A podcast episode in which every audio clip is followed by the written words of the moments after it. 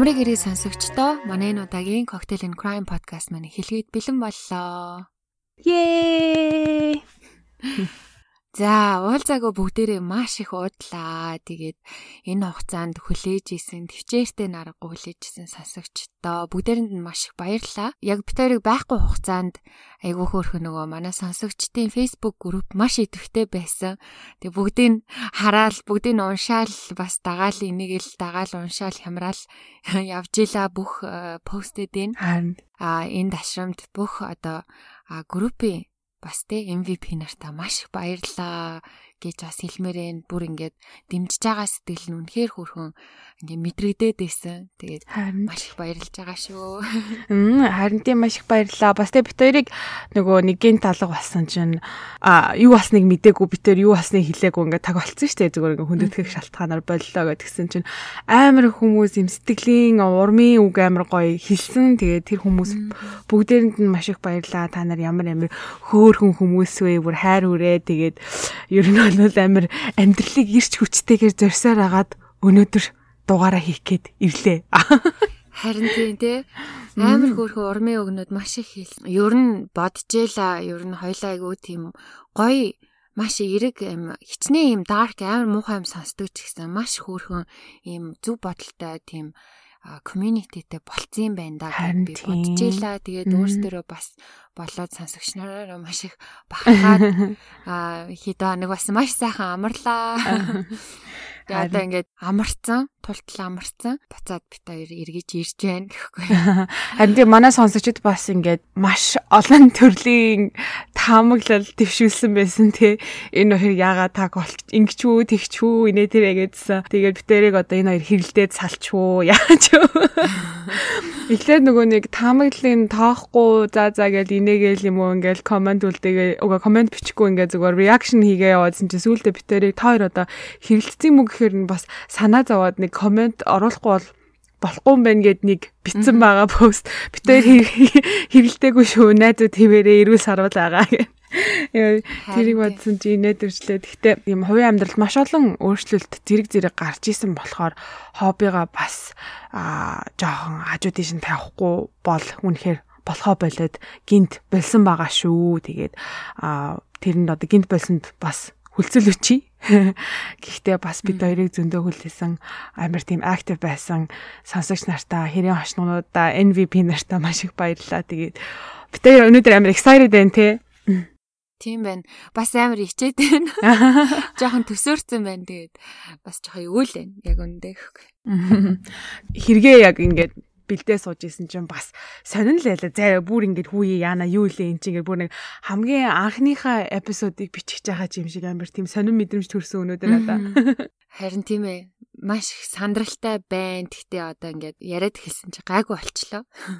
Гэхдээ яг одоо угаасаа манай сонсогч нар чинь бит хоёрыг байгаар нь хүлээж авдаг хөөрхөн хүмүүс болохоос хоёлаас тий байгаараа тий. Байгаагаараа л байгаа л энэ гэдэг шиг. Тэгээ бит хоёроос нөгөө нэг төлөвлөжсэн хугацаанаас жоохон илүү урт хугацаанд алга болсон шалтгаан гэх юм бол нөгөө бит хоёрын инстаграмыг блок хийсэн байгаа. Одоо инстаграм цаанаас нь тэгээд ямар гэйчийн хүмүүс нь бас репорт хийгээд яагаад явдгийг мэдэхгүй. Гэхдээ ямар ч гэсэн бит хоёр инстаграмаа буцааж авч чадаагүй харамсалтай нь. А гэхдээ дахиад нэг Instagram нээгээд тэгээд одоо бүх нийтдээ бид хоёр чинь бас 80 дугаар хийцэн байгаа юм байна. Одоо энэ одоо энэ өндөрлөгөөс харахад гэдэг шиг. Тэгээд тэр 80 дугаарынхаа 3 постыг те коктейльний зураг тэгээд бүх хэргийн детальтай зурагнууд гээд ингээд маш олон зураг хийх шаардлагатай болсон дахиад ихнээс нь тэгээд дундуур нь одоо шинэ дугаар цэцчих юм бол бас ирэм дараа нь алдагдаад ер нь жоохон замраагүй болох гэдээсэн болохоор бид тэр тэрийгэ бас гүйцэлдүүлээд шинээр эхлэх гээд жоохон хугацаа бас алдлаа. Тэгээд ямар ч хэсэн ард нь гарчлаа. Тэгээд хэрвээ та хэд маань мдээгүй болвол хоёрын шинэ инстаграмыг дагаарай. Шинэ инстаграмын хаяг нь бол cocktail гэж бичээд n үсэг тавиад cocktail and crime гэж бичгээр гараад ирнэ. Тэгээд хэдүүлээ буцаад хідүүлээ ялаа 12 мянгуулаа байсан те бүндөө буцаа бөгнөр ёо гэхгүй. Тийм штэ 15 мянгуулаа байсан шүү дээ. Тэгээд гэхдээ яах вэ уур өгөх юм бодхоо. Гэхдээ амар хөөрхөн нөгөө бит хоёр яг инстаграмаа дүнгэж шинээр нэгээд групп дээрээ пост оруулсан байхгүй юу? Шинээр инстаграм нээчлээ шүү манайхаа гэд. Тэсэн чинь баг 24 цагийн дотор 2000 гуулаа болцсон. Би тэрэнд нь бүр амар ямар хөөрхөн юм бэ? Тэгтээ тэрнээс хаашаал нэг сайн өсөөгүй байна. Тэгтээ манайд мдээгүй байсан баха. Одоо одоо ингээд мэдсэн юм чинь хэдүүлээ инстаграмаа буцаад манай инстаграмыг олоод дагаад дагаарэ. Юу 14 5 мянгуула байтгаа бүр 140 мянгуула болно за. Амар шаартаа тий. Тэрэн дээр бас нэмээд нэг юм хэлэхэд а манайхаа амар юм хөвгөлтэй хөвгөлтэй гоё мим бит хоёр руу амар шеэрлдэг байсан. А тэгээд тэрийг бит хоёр болохоор зармиг нь хадгалж аваад зармиг нь болохоор хадгалж аваагүй байгаа. Тийм болохоор бас шин Instagram а дагаад бит хоёрыг гоё funny инээдтэй мимэнд таглаарай Тэгээ буцаад нөгөө хайлайтнуудаа дахиж гаргаж байгаа шүү. Тэгээ энэ удаад ёстой нөгөө нэг хаширсан хүн гэдэг шиг бүх юмыг нь одоо хадгалж авна. Дахиад репорт хийх юм бол бууж өгөхгүй дахиад нэгийг дахиад нэгийг нээн за. Харин тийм хаалгаал битээр нэгээл энэ зэ харж байгаа гэхгүй муухай. Харин тийм. За тийм байх тэрийг нэрээ сансан дээрээ хэлчихье гэж бодлоо. Амар фаны амар бүр инээдтэй инээдтэй юм постэлдэг байсан те манай сонсогч нар. Тийм штэ мемерс алдаг байсан штэ болно. Харин тийм тэгээ тэрээ гоё шеэрлээрээ. За одоо үг олдож өхөр холтлоо дулмаа минь ээ. Хоёлаа гол ажилдаа оръё. За тэгээд гол ажилдаа орохоос өмнө бит хоёр анхааруулга бас хэлхийн зүйтэй бах. Манай подкаст нь насан турш хүмүүс зориулагдсан учраас насан туршиг хүүхдүүд эсвэл хит эмзэг мэдрэмтгий юмнаас амархан айдаг хүмүүс ер нь сонсоод хэрэггүй шүү гэж зөвлөдөг. Тийм болохоор манайхан араа дааж өөр өөрсдийгөө мэдэж сайн мэдэж сонсоорой. За тий ойлог коктейлнаас эхлэх үү? Ямар коктейл хийсэн бэ? За тэгээд ойрын үед бүр ингээд нэг юм Чикаго бүр бараг худалч хүнд 2 сар, нар сар ер нь гарсангүй. Бараг амар бороо шараатай, бороотой амар тийм гунгийн байла. Тэгээд би бүр ингээд 100 хурдан болоосаа гэд бүр юм мөрөөдөл олцсон. 100 гэж бодохороо розе ингээд амар аманд орж ирдэг одоо амтлагдаг болсон гэх юм уу та. Тэгээд зуныг санаад одоо ирж бүү 100 улирлыг хүсээд хурдан ирээрээ гэж дуудаа. Нара нара наашэр гэдэг. Харин тийм тэрэн шиг розеттэй коктейл хийсэн байна. Тэгээд энэ коктейл нь болохоор бас бит хоёр урд нь ярьж исэн шиг ер нь хэрэгжилж исэн орцуудаа те бүгдээрийн дахин хэрэглээд ингээд шинжилээд гоё коктейл хэрэглэе гэж ер нь ирмэлцдэг. Тэрэн шиг юу April орсон. Тэгээд гаттай ус. Тэгээд мэдээж rose wine энэ гурвал орсон тийм маш амархан April rose spritz гэдэг коктейл байна. Тэгээ ер нь 100 уухад дулаан гадаа гой нартай ингээл тэл лагер дээр ч юм уу эсвэл бранч идчих байхдаа ч юм уу амар тохиромжтой гой коктейл байгаа манайхан тэгээ сонирхоод хийгээд үзээрээ энэ гурваа яг ажил ижил хэмжээтэй гурвал ингээд холиод тэгээд хүссэн жимсээрээ чимэглэж өгнө. Оо, nice. Нэрээ өстө нар гараагүй амар удлаа шүү нэрээ. Үнэ эм байна. Стэм байна. За, за тэр яг. За, ямар хэрэг ярихаар бэлдсэн бэ? Тэгээ да, хэрэгтэй оръё. Аа, тэгээд хэрэгээ эхлэхээс өмнө бол нэг уушлахгүй маарай сонсогч нараас ойрд яриаг болохоор жоохон гацаад иж магадгүй шүүгээ хэлчихье. Дараа нь бити тэгээ комментээр загнаад байгаараа өмнө нь уушлахгүйцэн шүү ингээд. За тэг яг хоо энэ удаагийн хэрэгээр би өөрөө ч бас ингэ сонсож байгаагүй хэргийн талаар ярихаар бэлдсэн байгаа. Аа за тэгээд хэргийн эзэн хингэргийн давхур гэдэг шиг тэр гол дүр бол John Email List гэдэг залуу байгаа. За, John Emil List нь болохоор 1925 онд Мичиган мужийн Бэйсери хотод герман гаралтай ээж аавын хүүхэд болон мэндэлсэн байдаг. А түүний аав Йоханнес Лист нь өмнөх эхнэрээсээ ганц хүүтэй боловч Джонни амьдралд ер нь бол ойрхон байгаагүй. Йоханнесийн өмнөх эхнэр нь харамсалтайгаар хорт хавдраар нас орсон байна. А тэгээд эхнэрийн амьдралынхаа эцсийн өдрийг хүртэл асарч байсан бүсгүй бол Йоханнесийн ахын охин болох Alma Barbara List байсан. Johannes List анхныхаа эхнэрийг нас барснаас жилийн дараа эхнэрийнхээ асрагчтай гэр бүл болон одоо Джоныг төрүүлсэн байгаа. Танад ингээ бодоод үзтээ. Alma Barbara Liston, Johannes Listi, Uyel дүү. Тэгээд үеэл дүүтэйгээ гэрлэн John Emil Listig 25 онд төрүүлсэн байдаг. Тухайн үед болохоор 1890-ад оны сүүлээр болон 1900 оны ихээр одоо хэсэг герман цагаачд Америкт ирэн Мичиган мужид суурьсан бөгөөд тухайн үед гэр бүлийнхаа нэрийг авч үлдэх мөн цусаа цэвэр байлгах гэсэн шалтгаанаар хамаатан садангууд ингээ хоорондоо гэрэлдэг байсан гэж байгаа. Тэгээ энэ хүү John Emil List, Frederick болон Alma List хоёрын хүү болон мэдлдэг байгаа. За ингээд тэр хоёр гэр бүл болоод Мичиган мужийн Bay City гэх газар руу нүүдэг. А тэгээ яагаад тэр хот руу нүүхөр болсон бэ гэхээр тухайн хот нь модны арилжаа наймаа цэцгэлж байсан. Тэгээ ажил илбэгхэн байсан учраас ажил хаан тийшээ нүүсэн байдаг. Тулгуу аав нь хангалттай мөнгө цуглуулна томоохон эдлэн газар авч модны бизнес эрхэлж эхэлдэг байгаа. За тэгээ аав нь ер нь бол гэр бүлээ тижэн бизнесээ авч явахын тулд ер нь гэрийн бараа хардаггүй байсан. А харин түүний ээж аав маань болохоор гэртээ хүүгээ хараад үлддэг байсан. Түүний ээж аав маань маш тийм paranoid anxious буюу одоо юм болгон санаа зовж сэтгэл нь тийм төгшдөг нэг юм байсан байгаа.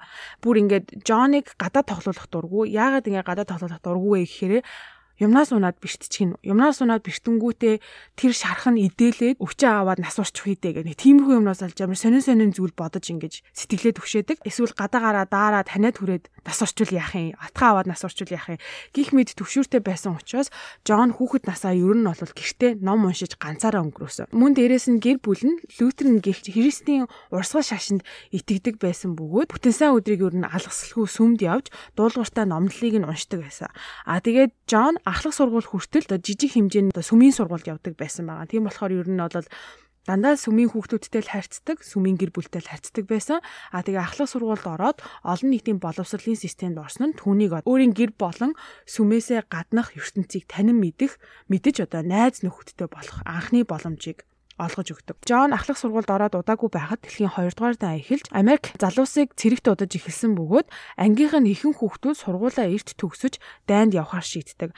Аа тэгээд тэр үед чинь нөгөө нэг Дэлхийн 2 дугаар дайнд чинь юу штэ нөгөө Holocaust, Гитлер тестөө нөгөө солиоруулж ясан үү штэ. Тэгээ Джон өөрөө герман гаралтай болохоор найз нөхд нь түүнийг гадуурхаж одоо нацист гэхээс имэж Америкийн төлөө дайнд явахыг хүссэн хэдий ч нөгөө гадаач гаргаж тоглолтгүй байсан ээж нь юун дайн солиоройдэ гэд явуулаг байгаа. Джонны хувьд үнэхээр одоо Америк их оронч үзэлтэй байсан юм уу? Эсвэл зүгээр одоо үеийнхэндээ те Герман биш Америк хүн гэдгээ батлах гисэн үү? 18 нас хүрэнгүүтээ сургуулаа төгсөөд цэрэгт шууд илсэн байдаг.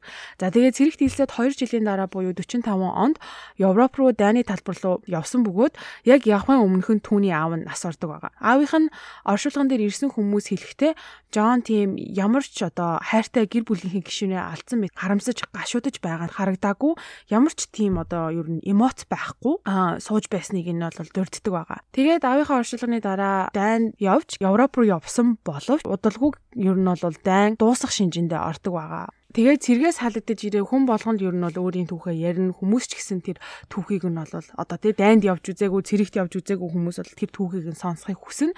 Тэгээ Джон ярихдаа одоо манай анги герман цэргүүдэд баригдсан миний герман хэл маш мундаг тулдаа би амьд гарсан. Ер нь бол тийм нэг эрэлхэг дайчин цэрэг байсан гэд надаа хүрэл медаль хүртэл шагнасан гэж хүмүүст ярьдаг байсан байгаа. Цэргээс халагдаж ирчээд яг үнэндээ болохоор маш олон ангиуд дайнд оролцсон химэн хүрэл медаль авсан бөгөөд тэр ангиудынхын дунд нь Джон Джонни анги байсан байгаа байхгүй юу.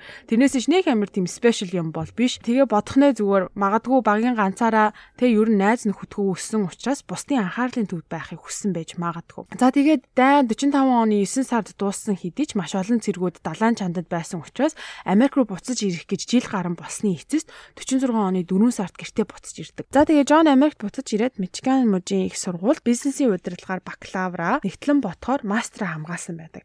Тэгээ их сургуулаа дүүргээд Детройт хотын томоохон нэгтлэн бодох бүртгэлийн компанид ажилд орсон. Тун удалгүй 50 онд Солонгосын дайн эхэлж буцаад цэрэгт дуудагдсан боловч түүнийг одоо дайны талбар бус нэгтлэн бодохын офис хүлээж байсан. Мичиган мужаас Индиана мужид армид ажиллаж байхдаа ирээдүйн ихнэр болох Helen Taylor гэх бүсгүйтэй боулинг тоглож байгаад танилцдаг. Helen анх Джоныг ер нь тоогоогүй ягаад гэвэл тийм жоохон нийгэмшээгүй гэх юм уу да ахлах сургууль хүртлээр ер нь бол их найз нөхөдтэй байж үзээгүй ээж нь гадагшаа гарч хүүхдүүдтэй тоглоулдаггүй байсан болохоор хүнтэй ер нь яаж харьцахаа мэдтгүү одоо юм нийгэм дунд те олны дунд өөрийгөө ер нь яаж авч явах яриа хөрөө эхлүүлэх тэр тал дээр маш муу байсан байгаа.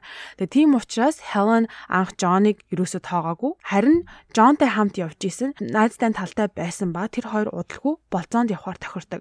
А харамсалтай нь болцож эхлээд удалгүй тэр залууг их нэртэй гэдгийг мэдээд Helen тэр залуугаас холбоогоо тасалдаг. Яг тэр үед нь John Helen-ий сэтгэлийг нь засах гэж ярьсаар байгаад ер нь бол өөрийн болгож авч чадсан. За тэгээ Helen бүсгүй John таалагдаж эхэлсэн шалтгаан нь түүнийг маш сайн сонсож ойлгож байгаа мэт санагдсан.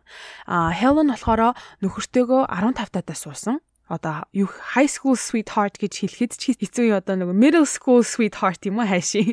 Тим хоёр байсан. Тэгээ сургууль төгсөөгүй зөвхөн ер нь бол гэрийн эцэгтэй байхыг мэддэг эмэгтэй. Гэвч нөхөр нь дайнд яваад Джонтой танилцахаас 6 сарын өмнө нас барсан. Нэг охинтой бас дээрээс нь 3 хүүхэд дахиад гаргасан боловч тэр 3 хүүхэд нь харамсалтайгаар хүн болж чадаагүй нас барсан байдаг. Гих мэтлэнгээр Джонни хажууд бол ер нь нилээнд амьдрал үүдчихсэн эмэгтэй байсан. Өөрийнхөө амьдралын тухай ингээл илэн далангуу ярьж байхад тэр болгоныг нь сонсож түүнийг таатгаруулж ойлгож байсан Хелэнд бол маш их таалагдсан. Тэгээд удалгүй тэдний харилцаа гүнзгийж гэр бүл болох талаар ярилцаж эхэлсэн байгаа. Дөнгөж бит хоёрын ирээдүг удаа хаашаа чиглэж байна гэж ярьж байхад Helen жирэмсэн болчихлоо гэхэд одоо хүүхдтэй болж байгаа учраас гэр бүл болохоос өөр аргагүй гэж шууд хурмаа хийдэг байгаа тэр хоёр.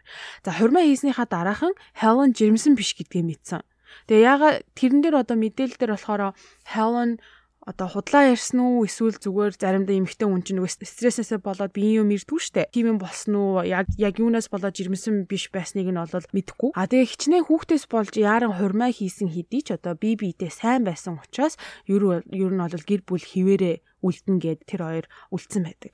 А тэгээ гэр бүл болсныхаа дараа Helen хоёр удаа жинхэнэсэд жирэмсэн жирэмсэлсэн боловч харамсалтай нь хоёулаа зулбдаг. Дэлгүү дайнч дуусаж Helen John-ыг даган Detroit хот руу ирэн суурьшдаг байгаа. Аргагүй ирэхэд одоо нөгөө эх орнон дуудаад цэрэгт явсан учраас Johnny өмнө нь ажиллаж исэн компани нь ойлгоод буцаж ирэхэд нь тэр өөрийнх нь ажиллаж исэн мистийг бол туртаая буцаан олгодог байгаа. Детройтед буцаж ирээд удалгүй 1956 оны 1 сар том охин болох Патришаг үлгийдэн авсан. Ер нь гаднаас нь тэр гэр бүлийг харахад бол тийм маш аз жаргалтай, имижтэй, нөхрөн сайн ажилтай, гэр эмэгтэй нь бол гэрийн сайн эзэгтэй хоёр хүүхдээ хараад байдаг.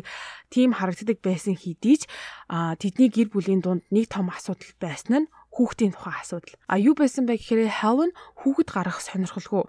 Яагаад гэвэл гаргасан хүүхдүүд бас урд нь ингээд зулбж ийснийг нь ботхоор 7-гийн 7 удаа жирэмсснээс хоёр хүүхэд эсэн мэд төрсөн те. Тэгээд Helen-гийн хувьд болохоор түүний сэтгэл санаа, бие махбод үнэхээр бүр ингээд ядраад туйлдаа хүрчихсэн. Би одоо ингээд дахиж жирэмслэхийг хүсэхгүй байна. Би дахиж хүүхэд гаргахыг хүсэхгүй байна. Би одоо ингээд бүр оролдохыг ч хүсэхгүй байна гэж нөхөртөө хэлсэн байдаг.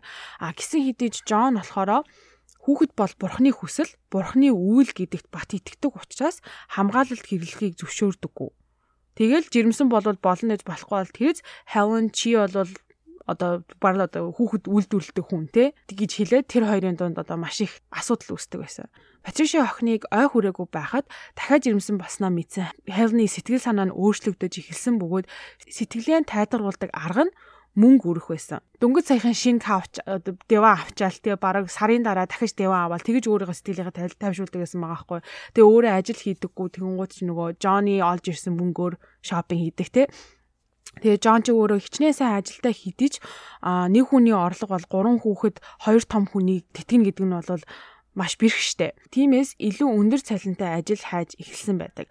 За тэгээ Аз болж хуучин хамт ажиллаж байсан найз нь түнд ажил санал болгодог байгаа. Тэр ажил нь Детройт хотоос цагийн зайд барилах Kalamazoo гэдэг хотод байсан. А Helen тэгээд одоо нүүх хүсэлгүй байсан хэдий ч зүгээр хадам ээжээсээ хол байхын тулд зөвшөөрдөг байгаа. Тэгээ Helen-ий одоо хадам ээжтэй Johnny ээж Alman Helen дургу ер нь бол таатай ханддаггүй дагуур хүүхдтэй тэгэл ингээ нэг бэлэвсэн мэлэвсэн гэл амир тий одоо нөгөө өөрийнх нь ганц хайртай амин хүн нэг юм гачин их нэртэй суучлаа муучлаа гэд ер нь бол амир дургу байсан гэж байгаа. Тэгээ тийм учраас мэдээж тийм хадам ээжтэй хажууд нь амьдарч ирснээс бушуухан тэ 2 цагийн зайтай хэдэн цагийн зайтай байсан ч гэсэн хамаагүй явъя гэж удаад Helen дуртай дургу зөвшөөрсөн байдаг. За ингээд шинэ хот руу нүүхтэй бэлдэж эхлэхэд Helen-ий би муудаж эмчит үзүүлэхэд жирэмсэн гэдгээ мэдсэн. Тэгээ дээрэс нь би энэ ер нь суйлдаа маш олон удаа зулбаж байсан учраас хүүхдээ төрүүлтэл ер нь бол хэвтэрт орохыг зөвлөдөг байгаа. А тэгээд Helen үзэж байхдаа эмчийн бас нэг анзаарсан зүйл нь болохоор Helen-ы одоо сэтгэл зүйн өөрчлөлтөөсөн. Тэгээд Джонд өгсөн нэг өөр нэгэн зөвлөгөө нь Helen чи одоо тий сэтгэл зүйчтэй уулзуулсан дээр байхаа гүн сэтгэл гутралын шинж тэмдэг Helen-аас харагдаж байгааг хэлдэг байгаа Джонд. Гэтэл Джон сүсэг бишрэлтэй бат итгэлтэй хүн учраас би шинэ хотод очиод сүмийнхээ пастортай уулзнаа. Тэгээ би бурханд хийж чадахгүй зүйл гэж байхгүй. Тэрийг би мэдж байгаа учраас би бүх юма бурханд даатгах гэж эмчийн амыг тагласан гэж байгаа. За ингээд шинэ хотод ирээд удалгүй хүү Frederick нь 1956 оны 10 сард төрсэн байдаг. Тэгээд Helen хүүдээ нэр өгөхийг хүссэн боловч Johnny хэлснээр манай удмын ёс заншил ууган хүү эцгийнхээ нэрийг авах ёстой гэж хэлсэн байгаа. Тэгээ Helen жоохон эсэргүүцээд бит хоёрын хүү штэ. Чин зөвхөн чиний хүүхэд биш штэ гэд одоо эсэргүүцэл үзүүлтэл John бүр ингээ маш уурлаж одоо хэрцгийгээр орлон хашгирч чамд ярилцаатайхан байхгүй. Энэ бол манай гэр бүлийн ёс заншил тэрийг даах ёстой. Ийм байдлаар энэ асуудал шийдэгдэж а ууган хүүгээ John Frederick гэж нэрлсэн байдаг. Тэгээ гурав дахь хүүхэд нь төрөөд ой хүрвүүгүй юу Helen дахиад жирэмсэн болсон байдаг. Мэдээж одоо нөгөө бие суултаа болохоор дахиад жирэмслэн гэдэг нь бол хэвтэрт орно гэсэн үг. Дахиад л хэвтрийн байдалтай 9 сар ном уншиж өнгөрөөсний эцэст 58 оны 8 сард хоёр дахь хүү болох Frederick Michael нь мэндэлдэг байгаа. За энэ удаад ч бас Helen хүүдээ нэр өгөх боломж олдоогүй. John алужээ Frederick Michael гэд аавынхаа нэрийг өгнө гэд сонгочихсон байсан. Энэ удаа бас маш том маргалдаан гарсан учраас Helen За за гэж нэг юм яриаггүй дугуун өнгөрөөсөн байна. Ингээд дөрвөн хүүхэдтэй, гурван хүүхэд нь дөрвөөс доош насны хүүхдүүд. Тэгээ бүр аль дээр ингээд сэтгэл зүйн өөрчлөлтөнд орж ихэлсэн Helen өдөр өдрөөр дортож эхэлдэг байгаа. Тэгээ стрессээ тайлахын тулд арх согтууруулах ундаа хэрэглэж эхэлснээр сүүлдээ бүр өдөр тутмын хэрэглээ болж хувирдаг. Энэ байдлыг нь харж эхнэрээ маш их өөрчлөгдөж байгааг харсан Джон залбирал нь эхнэрийг нь аврахгүй гэдгийг ойлгож сэтгцэн эмчэд үзүүлсэн боловч эмчин зүгээр хүчтэй тайвшруулдаг юм бичиж өгөхөөс өөр зүйл хийгээгүй. А тэгээ тухайн үед чинь одоо юу хиймдээ сэтгэл зүйн судлал одоогийн шиг ингэж хөгжөөгүй тэгээ юм л болол ер нь ингээ нэг тайвшруулдаг юм өгөөд амийг нь тагладаг байсан үе гэх юм уу та энэ чинь 1940 50 он Америк Америк хайванч гэсэндээ мэдэрч байгаа тэр гутралыг нь сэтгэлийнхэн дарамтыг нь тэр бүх зүйлийг нь мартуулж мдээгүй болгож байвал юу ч ясан хамаагүй гэсэн маягаар хүлээж аваад дуртай тэр имийг ууж эхэлдэг байгаа. Тэгэл ер нь бол Хеленгийн өдөр тутмын хэрэглээ. Гэртээ хүүхдээ хараад өдөрт ер нь болвол 5-аас 6 стакантай скотч уудаг. Тэр нөгөө тайвшруулдаг юмээ уугаал ингээ нэг зомби царайлаа гэртээ байж идэг байсан. Джоныг дагаад шинэ хотод очоод шууд хаус худалдаж авах санхүүгийн боломжгүй байсан ч төд удалгүй Джон мөнгөө цуглуулсны эцэст хаус авсан байгаа. За шинэ хаусанд нүүж ороо Джонд шинэ хачирхалтай зан илэрч эхэлсэн нь юу вэ гэхээр маш тийм OCD зантай болж одоо эхэлсэн гэх юм уу та. OCD нь болохоор монголоор орчуулах юм бол улагт бодол албадмал үйлдэлийн эмгэг гэж орчуулагддаг. Тэгэл юм болгоныг ингээд шалгадаг. Жишээн дээр юм тавихад хүртэл те тодорхой хэмжээний градуст байрлах ёстой ч юм уу нэг тиймэрхүү улагт бодлууд орж ирдэг. А тэгсэн чинь Джон тийм зан гаргаж эхэлсэн. Гэрийнхээ бүх зүйлийг ангилж тэмдэглэж эхэлдэг. Бүр одоо хашаанда тарьсан цэцэгсийн үр болгоныг нэг бүрэнгүү цаасан дээр бичиж өвсөө хүртэл гараараа хэмжээ хайчилдаг болсон гэж байгаа. А тэгээ энэ гаргах зан нь хачирхалтай байсан хэдий ч одоо иймэрхүү характер нь түүнийг ажилдаа гарамгаа байхад нь бол тус болдог. Яагаад гэвэл нэгтлэн бодогч хүн юм болгоно нөхөртэй хандах хэвээр. Тийм ч учраас түүнийг тушаал твшгэд маш их түлхэж болж өгдөг байгаа. Тэгээ явсаар байгаа сүулдэ бүр одоо санхүү хариацсан менежер болдог ажилтг компанида а гівч түүний ажиллах компанийг өөр нэгэн компани худалдаж авсан бөгөөд ажилчдын орон тоог суутгаж эхэлдэг байгаа. За хичнээн ажил сайн ажилдаа бүр маш сайн нэгэн хідийч хамт олонныхоо дунд ааш муутай юм болгоныг төгс төгөлдөр хийхийг дэндүү их хүчил шаарддаг байсан учраас Джоныг ажлаас нь халагдахад хүргэсэн. За тэр ажлаасаа халагдсныхаа дараа түүнд аз таарч Нью-Йорк мужид маш сайн цалинтай ажил олдог байгаа. Helen дахин нүүхийг хүсээгүй хэдий ч Мичиган мужийн тэр жижигхэн хотоос нүүхэн таалагдсан. Яагаад гэвэл бүх юмнаас нь уйдчихсан баг нөгөө дэлгүүр болгонд нь ороод үдчихсэн учраас шинэ том хот руу нүүхэн тэр нь таалагдсан. Ингээд Джонny гэр бүл Нью-Йорк мужийн Rochester хотод очин дахин амьдралаа шинээр эхэлдэг. А шинэ хотод очсны дараахан Helen-ы сэтгэл санаа нэлээд тогтворжиж эхэлсэн бөгөөд тайвшруулах юм болон согтууруулах хундааг ер нь бол хэрэглэхэ болсон байдаг. Гэр бүлийн санхүүгийн уур амьсгал тогтворжиж байсан болоод ч тэрүү Джон хүртэл стресстг нь багасаж эхнэр нүхний харилцаа нь ер нь бол баг багаар сайжирч эхэлсэн. Эцэст нь Джон Хелоны үгийг гуйлтыг нь сонсож дахин хүүхэд гарахгүй гэд vasectomy хийлэгдэг байгаа. А vasectomy нь юу вэ гэхээр одоо төмсгнөөс эр бэлгийн эсхийг дамжуулдаг сувгийг нь хавчих юм уу тасалдаг тийм мис ажилбар эрэгтэй хүнд хий. А ингээд ер нь бол дахиж хүүхэд боловсруулах боломжгүй. Helen гуйж John зөвшөөрсний эцэст дахиж хүүхэд гарахгүй болсон Helen-ич сэтгэл нь тайтгарч тэр хоёр одоо хаяа хаяа даунда болзоонд явж эхэлдэг байгаа. Буцаад яг ингээ хаанх танилцчихсэн шиг ингээд гой болж эхэлж штэ харьцаад. А гисэн хэдий Helen гарч ордог болсноос хойш согтууруулах хундаг баг багаар хэрэгэлсээр багаад буцаад ер нь бол донтож эхэлсэн согтууруулах ундаа. А мөн дээрээс нь Helen нөгөө урд өмнө нь сэтгэлээ тайтгаруулах гэж мөнгө үрж дэлгүүр хийсдэг байсан бол одоо тэр нь ингээд зүгээр юм дадал болчихсон. Helen одоо угаасаа ажил хийдэггүй гэрээ эцэгтэй хүүхдүүдэд хараад шопинг хийгээл мөнгө өрөөл байж идэг. Тэр нь бол зүгээр л өдөр тутмынх нь одоо хийдэг юм те. Байн байн шин тавилга авдаг, хувцас хуунаар эмэг бүгж гээл өстө мөнгийг мөнгөний модтой юм шиг л бүр өстө цацдаг байсан гэж байгаа. Тэгээ ядаж яхад Джон нэгтлэн бодох бодогч хэрнээд санхүүгээ маш муу барьдаг. Тийм учраас дахиад илүү ажиллаж мөнгө хийх хэрэгтэй болдог байсан аах. Тэгээ Джон ажиллаж байсан компанида тушаал твшин орлогч захирал болохыг хүссэн ч сайн ажилчин боловч сайн удирдахч гэж хараагүй улмаас компани татгалцсан байгаа. За тэгээ мэдээж хүссэн местэ авч чадаагүй болохоор өөр газар хайж эхэлнэ. Ингээд ажил хайсны эцэст Нью Жерси мужийн төв банкнд орлогч захирлаар ордог байгаа. А ер нь бол карьердээ бол амар амбицтай хүн байсан байгаа хгүй толгойтой. Гисэн эдэж жоох нийгмийн үедээ байхгүй. Дахиад Нью Жерсиг их шин муж руу нүүсэн байдаг. А тэгээ энэ удаад болохоор маш том хаусанд ордог байгаа. За том хаус ч гэжтэй баг орд харш гимээр 19 унтлахын өрөөтэй, 5 байны өрөөтэй, 3 галтайгоотой, 10 ил зуух болон ийм бүжгийн том одоо ballroomтэй тийм том хаусыг худалдаж авсан байна. За тэгээ хичнээн сайн цалинтай хэдий ч сая дурдсан шиг санхүү хариуцахтаа муу учраас ганц ч төгрөх одоо хадгаламжинд нь байгаагүй. Тимээс тэр том одоо орд харшаа авахын тулд урьдчилгаа төлбөрөө Джон ээжээсээ авахар болдог. А ээж нь болохоор дуртаяа хүүдээ мөнгө өгье гэдэг. А гэхдээ ганцхан болцолтойгоор.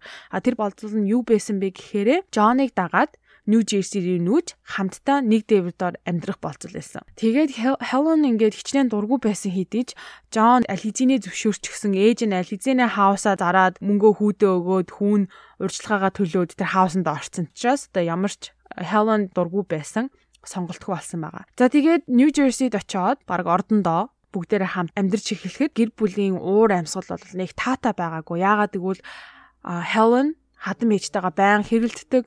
Хайлан ч өөрөө болтгоо, хадам ээж нь ч гэсэн ерөөсөө болдоггүй. Би биэндээ дургу аз болж сая дурдсан шиг энэ хаус нь маш олон өрөөтэй бас бүр маш олон галзуухтай. Тийм болохоор нэг ээжигээ бүр ингээд хаусныхаа нөгөө болонд амьдруулдаг байсан гэж байгаа.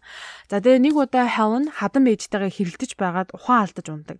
Джон мэдээж сандраад эмнэлэг авч явах гэтэл Хелен сэрээд явах юу н хэрэг байхгүй. Миний би яагаад өвдөд байгааг би мэднэ гэж хэлсэн байгаа. Тэгээ Helen юу гэж хэлсэн бэ гэхээр би хумхаа өвчнөтэй гэж хэлсэн байгаа.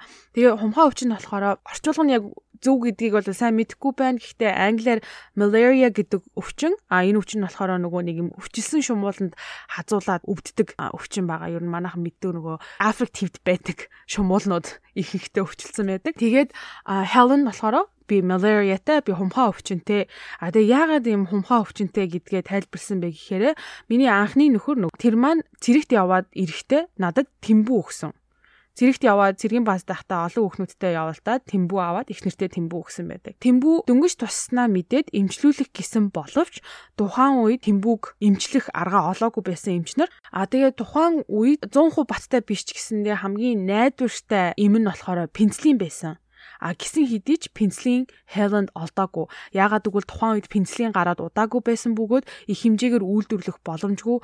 Бас дээрээс нь үйлдвэрлэгдсэн цөөхөн тооныхоо пенслинийг дайнд ажинтай үед зөвхөн цэргүүдэд хэрэгэлдэг байсан юм билэ. Тийм учраас тэмбүү өвчнөө эмчлүүлж чадаагүй. Тэгээд тухайн үед тэмбүүний эмчилгээ нь хумхаа өвчин байсан байгаа заяа. Жоохон ингээд гайхмарч гэх юм уу та. А тэгээд яагаад вэ гэхээр хумхаа өвчин нь хүний биеийн температурыг бүр маш өндөр болгодог. А тэгээд тэгж халуурахт нь биед байгаа тэмбүүний бактери нь үхэн гэж эмчнэр тухайн үедээ дүгнэж тэмбүүг эмчилдэг байсан. Тэгэнгүүт Helen ч нод хумхаа өвчнөтэй тэгээд тэмбүүтэй. А гифт Helen юун тэр тэмбүү хумхаа заяо тэрнтэй зэрэгцээд тархины atrophy буюу тархины эд эсийн агшилт гэдэг онцтой гарч ирдэг. Яг эмнэлэгт очиод үзүүлсэн чинь. Тархины эд эс өөрөө өвчөж эхлэн гэсэн. Тэгээ дээрэс нь олон жил арх болон тайвшруулах юм хэтрүүлэн хэрэглэн нь энэ өвчнийг нь улам хурдсгаж байсан юм билэ.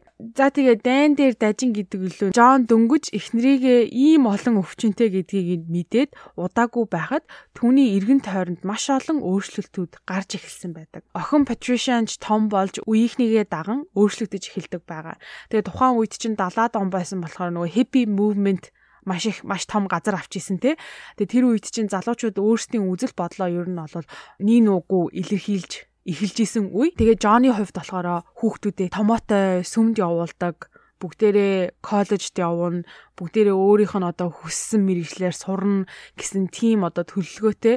Гэтэл охин нь ингээд өөрийг нь жоохон эсэргүүцээд өөрийнхөө амьдралыг би өөрөө ингээд амьдрмаар байна, жоохон эсэргүүцээд эхэлсэн байдаг. Аавтайгаа тэсэлтгээс эхлээд багш нартайгаа маргалдаж асуудал орох нь одоо илбэг болж би жүжигчин болон болох хүсэлтэй гээд театрын анги авч эхэлсэн байдаг. Тэгээ Джон охиныхоо хүсэл мөрөөдлийг эсэргүүцсэн учраас аав охин хоёрын харилцаа ер нь бол таагүй болж эхэлсэн. Тэгээ дээрээс нь 9 жорын онштой. Тэгээ дээрээс арх согтруулан ундаа хэтрүүлэн хэргэлдэг. Тайвшруулах имийг бас хэргэлдэг. Ер нь өдөрт нэг ингээ өдөржингөө гэртээ нэг зомби царайлсан хөвтчихийдэг. Ихнэр нь хүртэл сүмээс татгалцаж гэртээ ер нь бол өдөр хоногийг согтуу өнгөрөх болсон. Дээрээс нь түүний ажил ер нь бол явцгүй болж эхэлдэг байгаа. Мэдээж орлого захирлын олон чухал үүргүүдийн нэг нь болохоор шин данстэй шин компаниг өөрийнхөө компанид татаж авчрах байдаг. А гэтэл Джон ахлах анги хүртлээ хүнтэй найзалж үзээгүй олон нийтийн дунд яриа хөрөө өдөхдөө маш муу тийм ив хавгүй учраас ажилд орсноос хойш ямар ч шин бизнес авчираагүй байдаг тэр компани мэдээжчлээ сайн гүйцэтгэхгүй байна гэд тодорхой хэмжээний арга хэмжээ авна. Ингээд Джоныг ажлын гүйцэтгэл муу учраас ажлаас нь халсан. За тэгээ ажлаа алдснаа гэр бүлдээ хэлээгүй. Учир нь яагаад гэвэл гэр бүлээ тэтгэж чадахгүй бол эр хүн биш бол гэж боддог байсан. А тэгээ ажилгүй болсон хэдий ч ажилдаа явж байгаа мэт өглөө гараад явдаг. Тэгээ өдөржингөө вагоны буудлаар сонин уншиж ажил хайж суусны эцэст даатгалын газарт ажил ордог, ажилд ордог.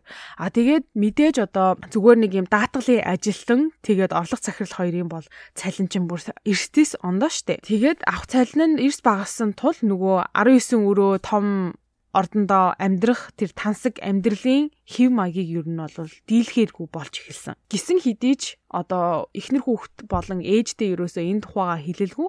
Нөгөө хэд нь болохоор манай нөхөр, манай аав ийм мундаг ажилтай бид нар бол баян тансаг тансаг амьдралтай гэл ингээл яваал байгаа штэ ерөөсөө юу ч мэдэхгүй.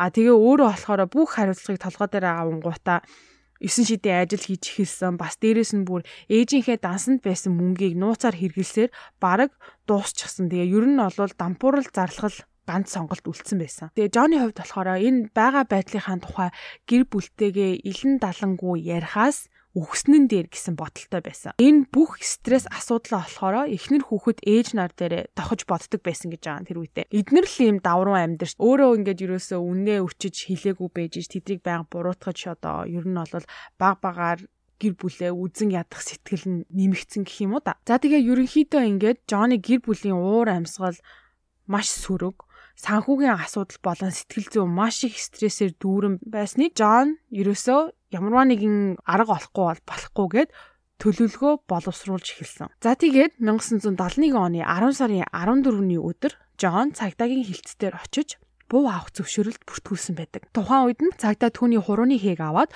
2-7 хоногийн дараа ирээрээ гэсэн боловч Джон буцаж ирээгүй. А яагаад гэвэл аавынх нь бас өөрийнх нь Германаас авсан хоёр гар буу гертэн байгааг сандаг байгаа. Бараг 3-7 хоногийн дараа буюу 11 сарын 5-ны орой Джон гурван хүүхдээ суулгаж байгаа та гураас юм асууя гэж тэгдэг байгаа.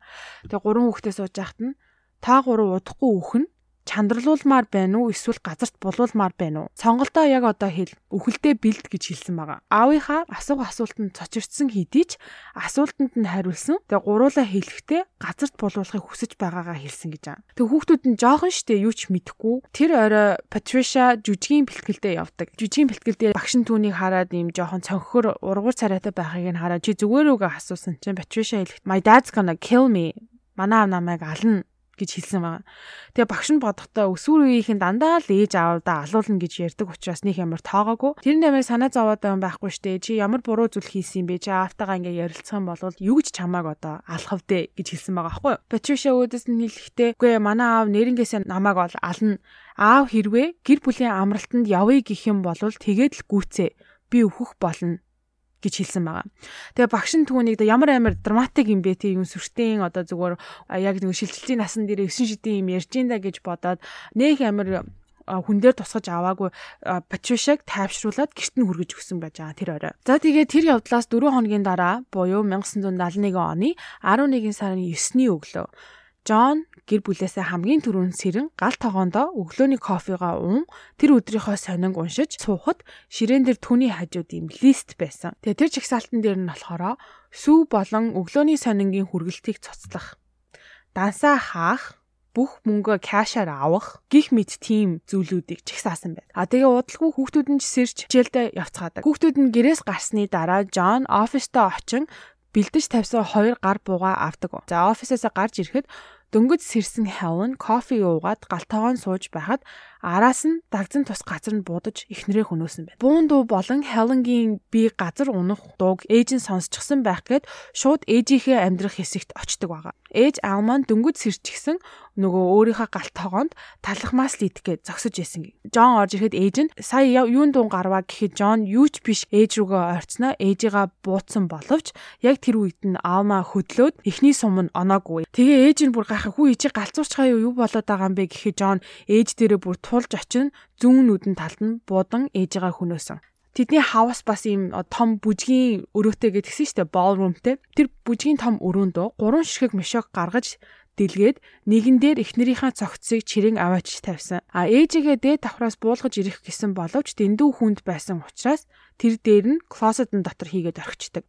А Хелен гал тогооноос бүжгийн өрөөлөө хүртэл чирхэд одоо шалан дээр нэм цусны мөр үлдэн штэ. Тэрийг зэрвэлж усан дорон хувцас салсан байдаг. Яагаад тэр цусыг цэвэрлсэн бэ гэхээр хийсэн хэрэгээ нуух гэж бус харин зүгээр ийм OCD зан хөдлөөд бохир заваан байдал таалагдаагүй учраас цусыг нь цэвэрлсэн гэж байгаа. Ээжигээ бас тэр клозет руу оруулахдаа тэр хатсан цусыг нь бас цэвэрлээд яг ингээд тойруулаад бас урссан цусыг нь цэвэрлсэн гэж байгаа байхгүй. Тэгээ тэгснийхаа дараа пастор лугаа сүмийнхаа пастор лугаа залгаад манайхан гэр бүлэрээ сар гарам North Carolina явах гэж байгаа. Тинчээ манай Helenгийн ээж байдгаа би энэ муугаа болохоро бид нар гэр бүлэрээ очих гэж байгаа гэдгээ хэлдэг. Мөн хүүхдүүдийнхаа сургуульд хандан захиа бичин үлдээдэг. Гэр бүлэрээ эхнэрийн минь ээж дээр очих гэж байгаа. Би энэ муугаа учраас хүүхдүүдэд аваачиж одоо уулзуулмаар байна. Тийм болохоор сар гарам бид нар хүүхдүүдээ сургуулаас авлаа гэдэг захиа бичсэн байдаг. А гурван хүүхдээ хичээлээсээ ирэхээс өмнө банк орж бүх дансаа хаасны дараа шуудан орж удаан хугацаагаар гэртээ ирэхгүй ингээд vacation амралтанд явах гэж байгаа гэж хэлээд захиа хүргэлтийнхаа сервисыг бас зогсоодог. Гэртээ ирэхэд том охин болох Patricia гэрлүүгээ залгасан. Хичээлээс намайг хурж ирээд эрт авчгаа миний би өвдөд байна гэж хэлсэн байдаг. Джон хичнээн дургүй байсан ч охиныгаа аван гэртээ ирсэн. Машина парклчаад охиноосоо төрүүлэн одоо бүр яарч гэрлүүгээ гүн ордог. Охин нь гайхсан ч гэсэндээ нээхэн бодаагүй удаа араас нь дагаад ордог байгаа. Тэгэхэд охиныгоо хаалгаар орж ирэхэд толгоонд нь буу тулган бууддаг. Охиныг яг буудах агшинд охин эргэж харсан тул зүүн хацрыг нь одоо бууцсан байдаг. Уг нь яг дагц руу буутгаж исэн чинь жоохон сонирхолтой фрики гимээр зүйл нь болохоро бууны сум охины зүүн хацраар орж гавлын ясанд ойж буцан зүүн талын одоо энэ шанхнаас нь гарч ирсэн байдаг сум нь. Ингээд Патриши охиныг ээжтэй адилхан бүжгийн өрөөнд байрлах мишокон дээр аваачин хөвтүүлсэн. За тэгээ дараагийн хохирогч нь болохоор түүний баг хүү Фредрик. Хүүгээ ажлаас нь очиж авах болсон бөгөөд гэртээ ирэхэд Фредрик загсаа хооллохоо мартцсан гэ гэрлүүгээ гүүгээд орсон гэж байгаа. Тэгээ бүжгийн өрөөнд байх цогцснуудыг харах үедээ химээ имэж араас нь маш хурдтай гүйж орсон байдаг. А гисэн идэж Фредрик болохоор тэр бүжгийн өрөөлөө ороогүй зүгээр том өрөөнд байх загсаа хоолчод галтогоо руугаа явсан. Тэр үед Джон хүүгийнхаа араас дагзан дунд нь буудаж хөнөөсөн. За ингээд гэр бүлийн сүүлчийн амьд гишүүн бол Том хүү Джон. А тэгээ Фредрикийг яг буудаж унгаасны дараа Жон гэртээ ирдэг. Аав нь сандран сумаа цэнэглэж хаалганы ард нуугдан хүүгээ орж ирэхийг хүлээсэн байна. Том хүн орж ирээд нэг л хачин мэдрэмж авсан мэт айж ухнаар хаалгаа онгоолгон орж ирдэг. Тэр үед аав нь хүүрүүгээ буу онлоод зогсож байгааг харсан. Тэгээ мэдээж бол аавыгаа тийм байдалд байгааг хараад зочирдоод бууны сумнаас бултсан ч нуруундаа буудулсан бөгөөд Жон хүүгийнхээ араас хөөж бууцаар л байсан. Эхний сум нуруунд нь хоёр дахь сум толгоон тус газар гисэн хэдий ч хүү ам тавилгүй мүлгэж тухтаахыг оролцоор л байсан гэж. Эцэст нь том хүн дээшээ харан хөвтгöd Жон хүүгийнхээ дээр зогсож байгаад хоёр нүднийх нь дунд гурав дахь удаага бууддаг. Гисэн хэдий ч том хүн бүр ингээд ам тавиагүй Тэгээд ингээд нүдэн эргэлдээр ингээ амьсгалаад исэн гэж байгаа байхгүй. Тэрэнд нь Джон бүр ингээ маш ихээр уурлаж сумаа дуустал цээжинд нь бууцсан. Тэгээ эхнийхээ бууг ер нь бол хэрэглээл яваад байгаа хоёр дахь буугаа ороогүй. Эхнийхээ бууны сумыг дуустал нь хүүгийнхаа цээжинд буутчаад хоёр дахь буугаа гаргаж ирээд тэрийг бас сумыг нь дуустал хүүгийнхаа цээжинд буутсан гэж байгаа байхгүй. Бүр тийм солиорцсон одоо бүр нүдэн улаанаар иргэцэн л тий. За тэгээ том хүүгээ бусдын адил бүжгийн өрөөнд оруулан мишокон дээр хэвтүүлдэг. Бас л одоо урдных шигэ гэрээ цэвэрлэж шалаа угаасан. Тэгэд сүүлд мэдгдснээр том хүн эсэргүүцэж маш их цус үсэрсэн тул уурыг нь бүр тултал нь хүргэсэн гэж хэлсэн байдаг. Ингээд бүх зүйл дуусны дараа эхнэрийнхээ ээж, дүүнерт болон сүмийн пастор гих гих хүмүүст зориулан захаа бичин үлдээдэг. Тэр захаандаа бичихтэй та нар яагаад энэ бүх зүйлийг хийх болсныг мань ойлгохгүй хэдий ч зүгээр л мэдэх хэрэгтэй гэсэн утгаар бичсэн байдаг. А тэгээ яагаад пастортай бүх зүйлийг илчлэн захаа бичсэн бэ гэхээр одоо өөрийнх нь тэр ихтгэл үнэмшлийн дагуу бүх нүглээ илчилвэл бурхан намжилж нүглээс нь чөлөөлөгдөн гэдэгт бүр бат итгэдэг. А тиймээс хийсэн бүх зүйлээ пастортай нэг ёсондоо одоо бурхандаа илчилсэн учраас өөрийгөө өршөөгцөн гэдэгтээ одоо итгэсэн гэдгийг хүссэн гэх юм уу. Тэрхүү захаа нь таван хуудас байсан бөгөөд яагаад ийм зүйл хийх болсон бас яаж хийсэн талаараа бүр детальчлан тайлбарлан бичсэн ба. Тэр таван хуудас захаагийн зүгээр ингээ базаад ойлгох юм бол а гэр бүл санхүүгийн маш их асуудалтай байсан төрөөс тусалцаа авах боломжтой байсан хэдий ч тийм амьдралд өөрөө болон хүүхдүүдэд амьдруулахыг хүсээгүй мөн охин Патришан жүжигчин болох мөрөөдөлтэй байсан нь түүний сүнсийг чөтгөр аль хэзээ эзэмсэн илт байсан. Дээрээс нь ихнэр нь хүртэл сүмд явхаа байсан нь түүнийг бурхан аврахаас өнгөрсөн өнгөрсөн гэж ойлгосон. А тэгээ дээрээс нь ээж нь одоо сүмд явхаа болчих юм бол хүүхдүүд нь ч гэсэн явандаа сүмээ орхино. А тиймээс миний хүүхдүүд болон ихнэр а бурхны авралыг хүртэж чадхааргүй болох байсан. Тиймээс би тэднийг өөрсдөөс нь бас энэ хорвоогоос аварч Деважин дахь бурхны гарт даатхан өгсөн гэж бичсэн байдаг. Тэр оройноо захаага бичиж дуусаад гэрээ цэвэрлэж юу ч болоогүй мэт орондоо орон унтсан байдаг. А маргааш нь өглөөний цайгаа ууж гэрийнхаа температурыг буулгаад хувцаа бэлдээд байсан мөнгөө аваад явсан. Хүмүүс Джонни гэр бүлийг гадагшаа явсан гэдгийг мэдэж байсан хэдий ч хаусных нь гэрэл асаалттай байгаад гайхажсэн. Тэгээ ихэнх хуршүүд нь болохоор зүгээр бодохдоо хулгай зэлгийн орохгүй гэд одоо сэрэмжлээд гэрлээ хасаалттай орхисон гэж ойлгосон. А гисэн хэдий ч сар гармын дараа чийдэнгүүд нь нэг нэгээрээ шатаж эхэлсэнд бүр гайхаад аа тэгэд мөн дээрэс нь нөгөө Патришагийн театрын багш штэ тэр багш одоо яагаад бас ор сураггүй а босныг нь гайхаж эхэлдэг. Одоо сар өнгөрчлөө ямар ч ор сураггүй. Тэгээд ямар сони юм угаасаа хэллээ. Явхаасаа 5 хоногийн өмнө мэдээж сарын өмнө Патриша хэлж байсанчлан гэр бүлэрээ алга болсон санаан зовж эхэлдэг. Тэгээ найзуудаас нь Патришатай ярьсан уу холбоо барьсан уу гэж асуухад ганц ч удаа захаа явуулаагүйд нь гайхаад герт нь очиж шалгахаар шийдэн өөр нэг багштай хамтран герт нь очисон байдаг. Тэгээ хаусны үүдэнд очиж хаалгыг нь балбахад хинч онгоолгаагүй. Харин хуршүүд нь цагдаа дутсан. Тэгээ цагдаа нар ирэхэд хоёр багш очраа тайлбарлсан байдаг. Манай сурагч Патриша ингээ ингээ юм хэлсэн одоо сар болчихлоо. Ямар ч ор сураг байхгүй байна. Тийм учраас ямар нэг зүйл тохиолдсон байж магадгүй гэрлөө нороо шалгыг гэхэд тэр хоёр цагдаа ч гэсэндээ с ิจ гтэй байгаад санал нийлэн герт нэвтрэхээр болсон. За тэгээ цагдаагийн ажилтны нэг нь арын хаалгаар нөгөөх нь болохоор хажуу талын хаалгаар ордог. А тэгээ хажуу талын хаалга онгорхой байсан бөгөөд тэр хаалга нь галтаагаар ордог хаалга байж. Тэгээ хаалгаар ороход хаусны интерком системээр нь заяо тийм классикл хөгжим тоглож байсан. А бас дээрэс нь тэр галт тогооноос том өрөөлөө тийм бүдэг юм улаан өнгөтэй юм чирсэн байдалтай хатсан зүйл байсныг олж хардаг. А тэгээ тэр хоёр тэр цагта дагаж явсаар байгаа бүжгийн өрөөнд орон цогцснуудыг олсон. За ингээд албан ёсны мөрдлөг эхэлж 19 өрөө одоо тэр том хаусыг бол нэгжиж эхэлдэг. Тэгээ Джонни офис дахь ширээнд нэвтрэн орж түүний битсэн бүх захааг олдог бөгөөд пастор руугаа битсэн захаанда ээж эхнэр хүүхдүүд нь яг яаж ам тавьсан талаар детальлан бичсэн байд. Сарын дараа буюу 1971 оны 12 сарын 9-нд Джонни машин Нью-Йорк хот дахь Кеннеди олон улсын онгоцны буудлаас олцсон бөгөөд машинд нь түүний бичиг баримт гих мэд зүуд олцсон. Машин олдсон үед нисэн онгоцноос харахад John email list нэрэн дээр ер нь а хүн нисээгүй байдаг олдоогүй а гэхдээ нөгөө 70-аад онд болохоор одоогийн шиг одоо тий ID ч юм уу пассворд маа шалгадаггүй байсан зүгээр л онгоцны буудлын дээр очиод миний нэрийг тэр гэдэг би тийшээ авах билет авна. Тэгэл цаасан дээр бичээд өгчдөг байсан гэсэн. Тийм учраас одоо ямар ч одоо хаашаа явсныг нь мэдэх боломж байхгүй мэдээж өөр нэрээр ниссэн байх. За ингээд John email list-ийг 90 сурвалжилж байгаа талаар холбооны мөрдөгт товчоо одоо зүүн мужуудаар мэдээлэл цацаж эхэлсэн. А эхлээд зүүн мужуудаар байж байгаа сүулдэ бүр Америк даяараа засаж эхэлдэг. Тэгээ хамгийн одоо сонирхолтой жоохон сонирхолтой фактууд гэх юм бол Джонни хараа нь маш муу. Тэгээд бараг 6 сар тутам эмчтэр очиж шилээ тохируулах хэрэгтэйг олж мэдсэн. Тийм тусгай шил зүүдэг байсан. Тэгэнгүүт Америк даяар ер нь бол нүдний эмчийн офис руу Джон Ликстийн зургийг явуулж эхэлсэн байдаг.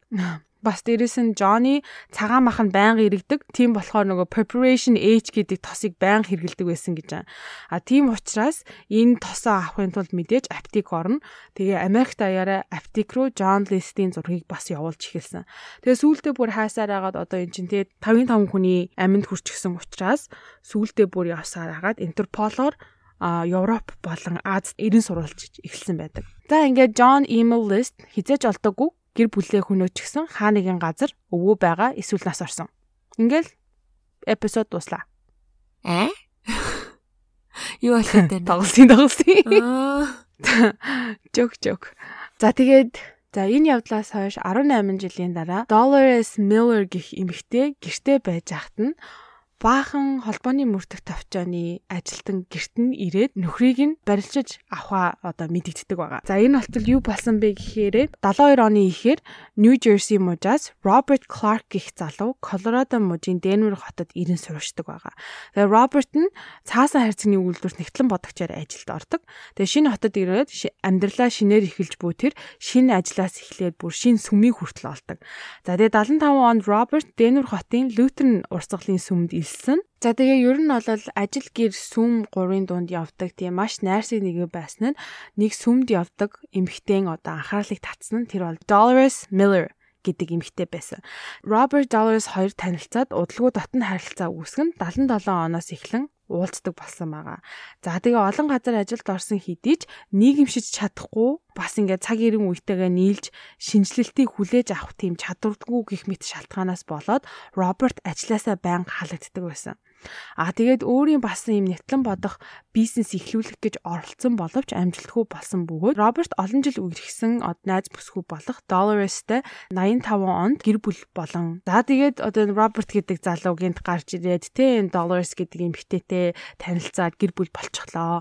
Тэгснээ тэр Dolores гэдэг эмэгтэй кондо руу нүүж ирсэн байгаа. Яг тэр нүүж ирдэг өдөр нь тэдний хөрш Wanda гэх эмэгтэй таарсан. Одоо Wanda гэдэг эмэгтэйтэй таарсан бөгөөд тэр эмэгтэй нэг юм нэг юм хэрэг дуртай нэг авгаанаар байдаг та. Нэг тим авгаа байсан гэж байгаа юм заяа. Тэгэл хараад өө dollars чи чи ингээл найз залуутай байсан юм уу? Юу вэ? Найз залуутайг чи мэдээчгүй байхад чи шууд одоо нөхөр болоод ингээд ороод ирж байгаа чи юм ингээл амар 9 шид юм асуугаал. Тэгэл энэ Роберт гэж хин хизээ танилцсан. Юусэн мэдээгүй юм ямар сарны юм бэ ингээл амар ярьсан гэж байгаа аахгүй юу? Нөгөө Роберт хажууд нь ер нь бол амар тийм дууга залуу зогсоолээсээ одоо нөгөө юмаа нүлгээл нэг их юм яриаггүй. Гэхдээ тэр Wanda гэдэг эмэгтэй тэр Робертыг амар сатсан. Царайг нь хараад маш сайн одоо тогтоож авсан гэх юм уу да. Wanda Анда тэр өрөөнө гэртээ ороод угаасаа нөгөө нэг хэрэг дуртай тийм хүн байсан болохоор ер нь бол дандаа юм шар сонин те хил амны хэвлэл мэдээлэл амар унших дуртай. Тэгээд нэг шар сонин уншиж байгаад John email list гэдэг залуугийн тухай хэвлэгдсэн зургийг нь харсан чинь яг тэр өдөр танилцсан Роберт харагдсан гэж байхгүй. За тэгээд Dolores эмэгтэй дээр очиод хүйе энэ танаа одоо нөхөр Роберт чи юм биш үү гэсэн чинь нөгөө Dolores нь гайхаад яаж чи энэ амар хүнийг одоо тий манай Роберттэй андуурч чадчихэна. Манай Роберт бол бүрстэ ялаач алж чадахгүй тийм амар гимгүүстэй сайхан сэтгэлтэй залуу гэ ууралсан гэж байгаа байхгүй. Тэгээ Ванда эмэгтэй хэлэхдээ үгүй чи өөрөөс нь асуу энэ амар адилхан байгаа гэдэгт харалтаа шилэн хүртэл адилхан, царай нь хүртэл адилхан. Тэгээ ядчихад эн чинь бүр ингээ нэгтлэн бодогч тий. Чи ер нь асуугаад үтсэн дээр байхаа гэд Dolores-ийг ятгсан байгаа. Тэгээ Dolores зөвшөөрсөн боловч тэр оройноо Робертыг гэртээ ирэхээс өмнө бодлоо өөрчлөн сонныг гаргаа хайцсан. За тэгээ тэр хоёр нэг гэрт ороод удалгүй бас өөр тийшээ Робертийн ажлын журмаар нүүх болдог. Виржиниа муж руу. Тэгээд 1988 онд Роберт Долларс 2 Виржиниа мужид нүүсэн. А ингээ хосууд Виржиниад ирэн амьдралаа эхлэх. Хичнээн амьдралаа шинээр эхлэхийг хүссэн хэдий ч Джонни амьдрал үнэн бүтлэхүү гэх юм уу да тийм өөрөө арчаагүйгээс болсон ч гэх юм уу да. Ерөөсөө юм санхүүгийн асуудлаасаа гарч чаддгүй байсан. Дандаа санхүүгийн асуудалтай. За тэгээд нөгөө тухайн үед чинь зурагтаар нилээн нэрт гарч ихэлсэн ТV шоунуудын нэг бол нөгөө America's Most Wanted. Одоо манай сонсчид бол сайн мэдэх байх л та. Америк дахь гимт хэрэгтнүүдээс одоо хамгийн топ те хамгийн хүнд гимт хэрэг хийсэн баригдаагүй хүмүүсийг 90 сурвалжилдаг тийм нэвтрүүлэг байгаа. Энэ нэвтрүүлгийг Роберт гарсан эпизод болгоныг үздэг байсан гэсэн. Түүний үзэх дуртай ТV шоунуудын нэг. Тэг үнэхээр одоо дуртай ТV шоунд байсан юм уу эсвэл нэг тийм одоо гаж хүслэр ч юм уу эсвэл өөрийгөө баригдчих үедээ гэсэн бодлоор ч юм уу. Тэгвэл ямар ч хэсэн гарсан дугаар болгоныг нь алгасалгүй үздэг байсан гэж байна. Энэ шоуг анги алгасалгүй үздэг байсан хэдий ч 1989 оны 5 сарын 21-ний орой гарсан ангийг үзэж чадаагүй.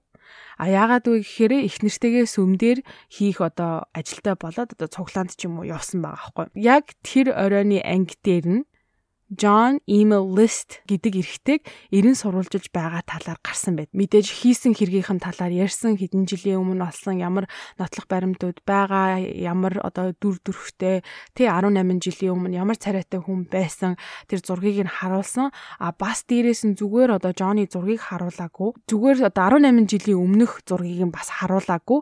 Яг одоо John email list одооны байдлаар ийм дүр төрхтэй байж магадгүй гэсэн тийм нүр царайг баримлаар ингээд илэрхийлсэн зурагтаар гаргасан гэж байгаа байхгүй. Тухайн үед болохоор тэр Frank Bender гэх тийм маш авьяастай тийм баримлч залуу байсан юм бэлээ.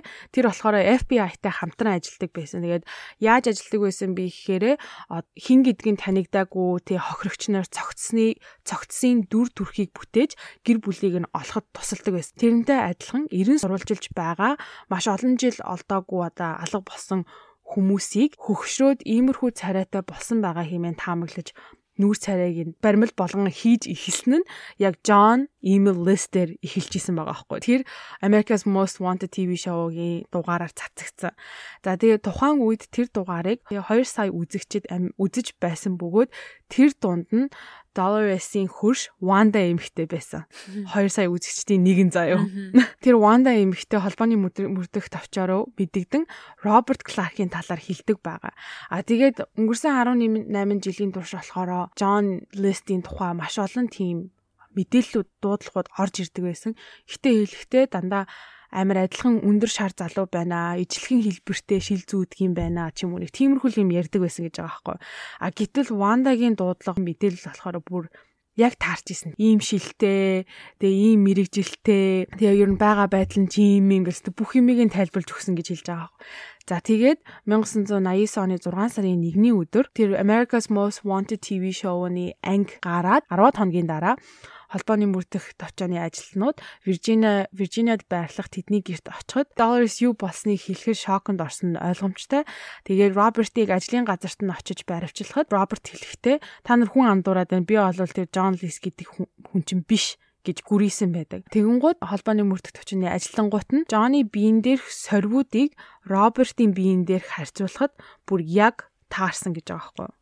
Ойлгомжтой. За тэгээд Джон ингээ баривчигдсны дараа мэдүүлэг авахд би бол Роберт Кларк та нар хүн андуурсан байна би биш гэж гүрийсээр байсан. Баривчлаад Нью Жерси мужид очиж шүүх хурал эхлэхээс өмнө Хелени эмэгтэй дүүн ирж одоо Роберттай уулзсан байдаг.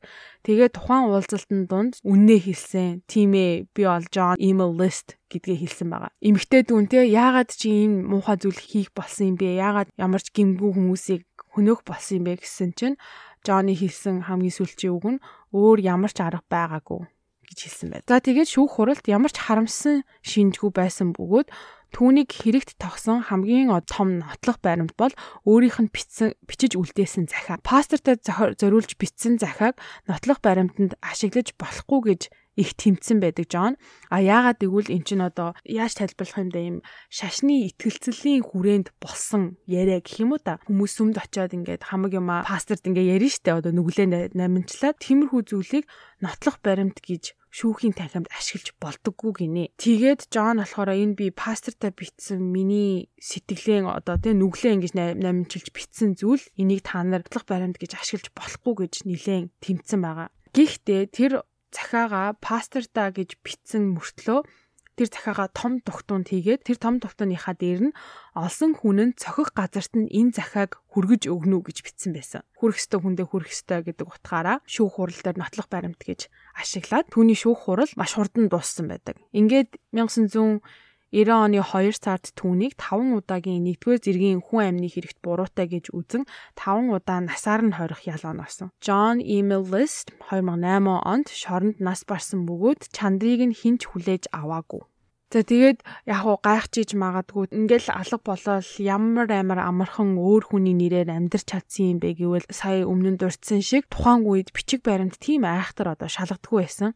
Бараг одооний системний одоо эхлэлэлч ер нь бол тавигдаагүй байсан байх Америкийн системийн тий. Яагаад бас ингээд Роберт Clark гэдэг нэрийг зүгээр аваад шинэ ID ID аваад ч юм уу тий ингээ явсан бэ гэхээр тэр үед 50 наснаас доош насны хүмүүс ямар ч асуудалгүй шинэ social security дугаар авч бол болдог байсан гэж байгаа. Би зүгээр л дугаараа солимоор ингээл хэлэх юм бол шинэ дугаар өгчдөг байсан. Тэр тэр аппликейшн дээрээ өөрийнхөө нэрийг Robert Clark гэж бичээд шинэ сошиал аваад Тэгэл нөгөө Америкт чинь нөгөө сошиал иргэний дугаараа авчих юм бол Америкчин тэгэл ер нь бүх бичиг баримт нь олдчихдээ штэ. Тэгэл шинэ сошиал аваад Роберт Кларк гэдэг хүний бүтээгээд 18 жил амьдэрсэн байгаа аахгүй. За нэг ийм хэрэг байна. Би л тэгэж бодлоо. Өмнө нь битэрийн ярьжсэн маш олон сэдвийг хүндсэн хэрэг юм болов гэж бодлоо. Тэгээ ойр дугаар хийгээг болохоор яригдчихсэн бүх сэдвүүдээ хөндөд базаад нэг дугаар ярьчих гэж бодоод гэсэн. Тэгээ ингээ харахаар одоо юу хиймдээ нэгдүгээрт Джонни бас хүмүүжэлд шашин шүтлэг одоо хэр их нөлөөтэй байсан.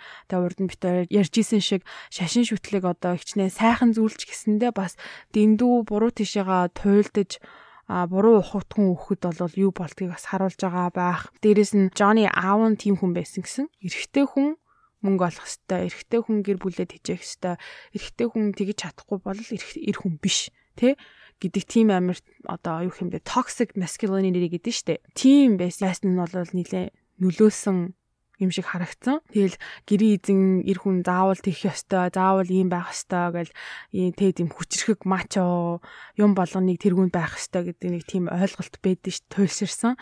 Яг хуу мэдээж тодорхой хэмжээгээр гэр бүлээ авч явах хэвээр гэхдээ бас л эрэгтэй хүмүүс чинь хүн штэ бас л мэдрэмжтэй бас л сэтгэлтэй хүмүүс штэ тэрийг нь амар буруу ухагтхан өгцөн болохоор өөрийгөө ч нөгөө үнэлж чадахгүй гэр бүлдээч нөгөө нэг одоо үн үнэнгээсээ тий ажлаа алдцсан би ингэсэн ингээ асуудалд ороод байна гэд ерөөсөө хэлж чадахгүй ганцаараа стрессээр л яваад исэн байгаа байхгүй. Дээрээс нь ганцаараа ихсэн юм болохоор нөгөө Johnny ихнэр Helen юм сэтгэл санааны гутралд ороод хүүхэд төрүүлэхгүйгээл ах чинь John тий энэ бол нэр хүүхэд болол бурхны одоо бэлэг заавал байх хэвээр мэстэй гэл тэгжсэн гэл тэгсэн ш.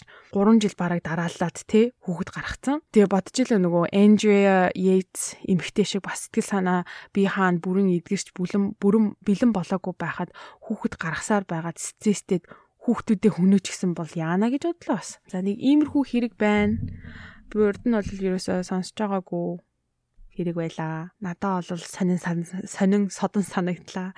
Чам сонин содон байв уу? Манай сонсогч нар сонин содон байв уу? Харин тийм ээ бас амар их юм бодогдуулж байна. Одоо жишээ нь хөл хөтөн гэр бүлийн төлөө энэ олон жил тэмцчихэд эн чинь бас айгүй хөөрхөн амтай хэрэндээ тэнцээд байгаа болтой байсан мэт дээ.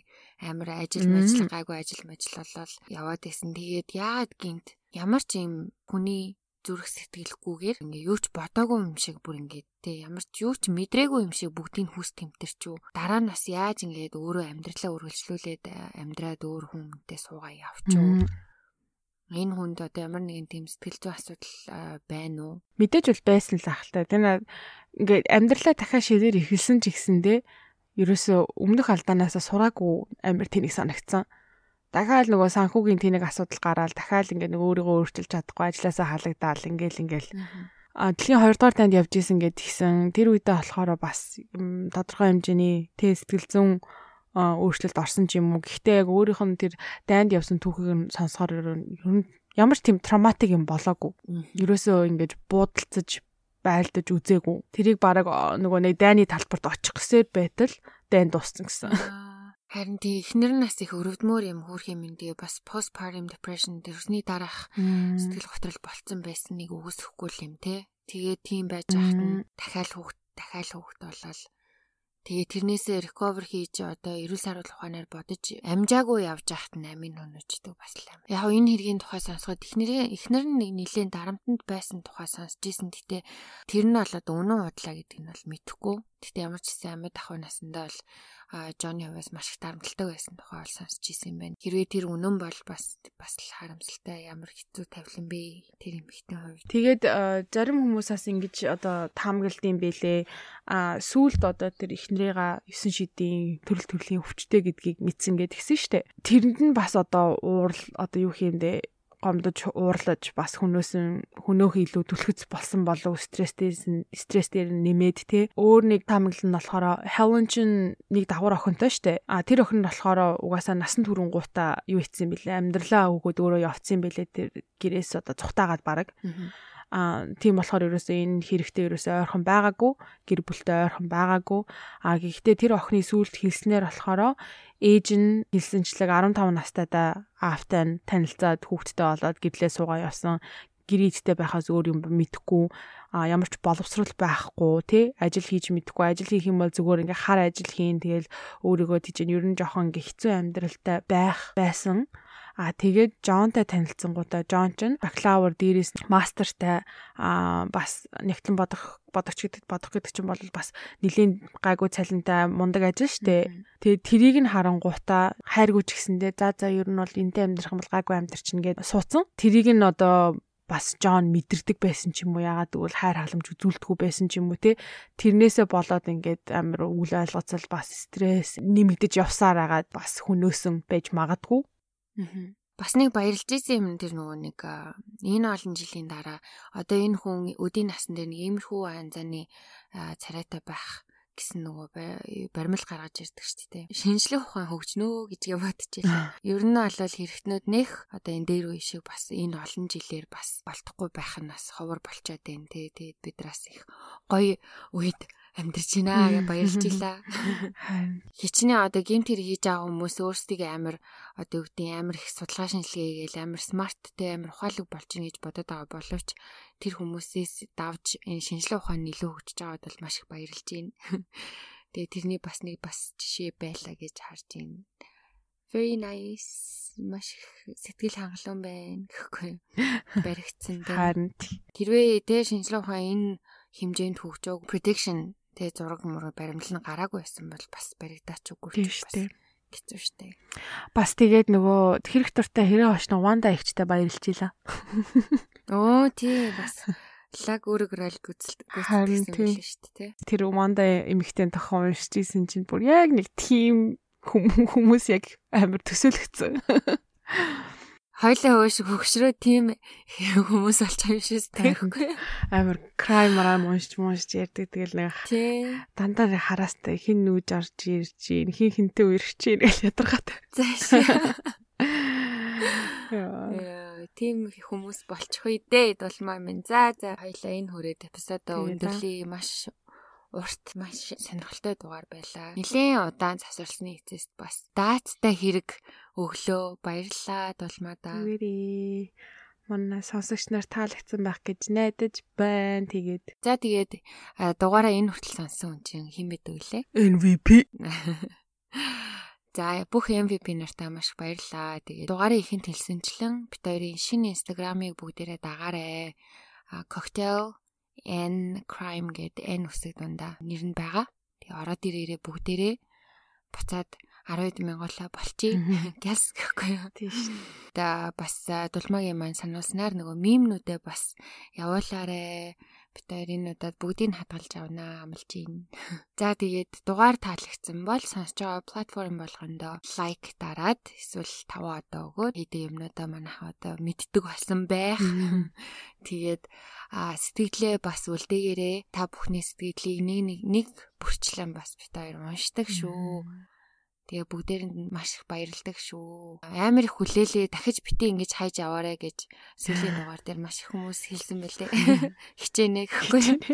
Гэтэ амлахгүй. Худлаа амлалт өгөхгүй үнэ хэлсэн л дээр штэ. Тий арай. За тэгээ дараа дараагийн дугаар хүртэл түр баяртай. Bye.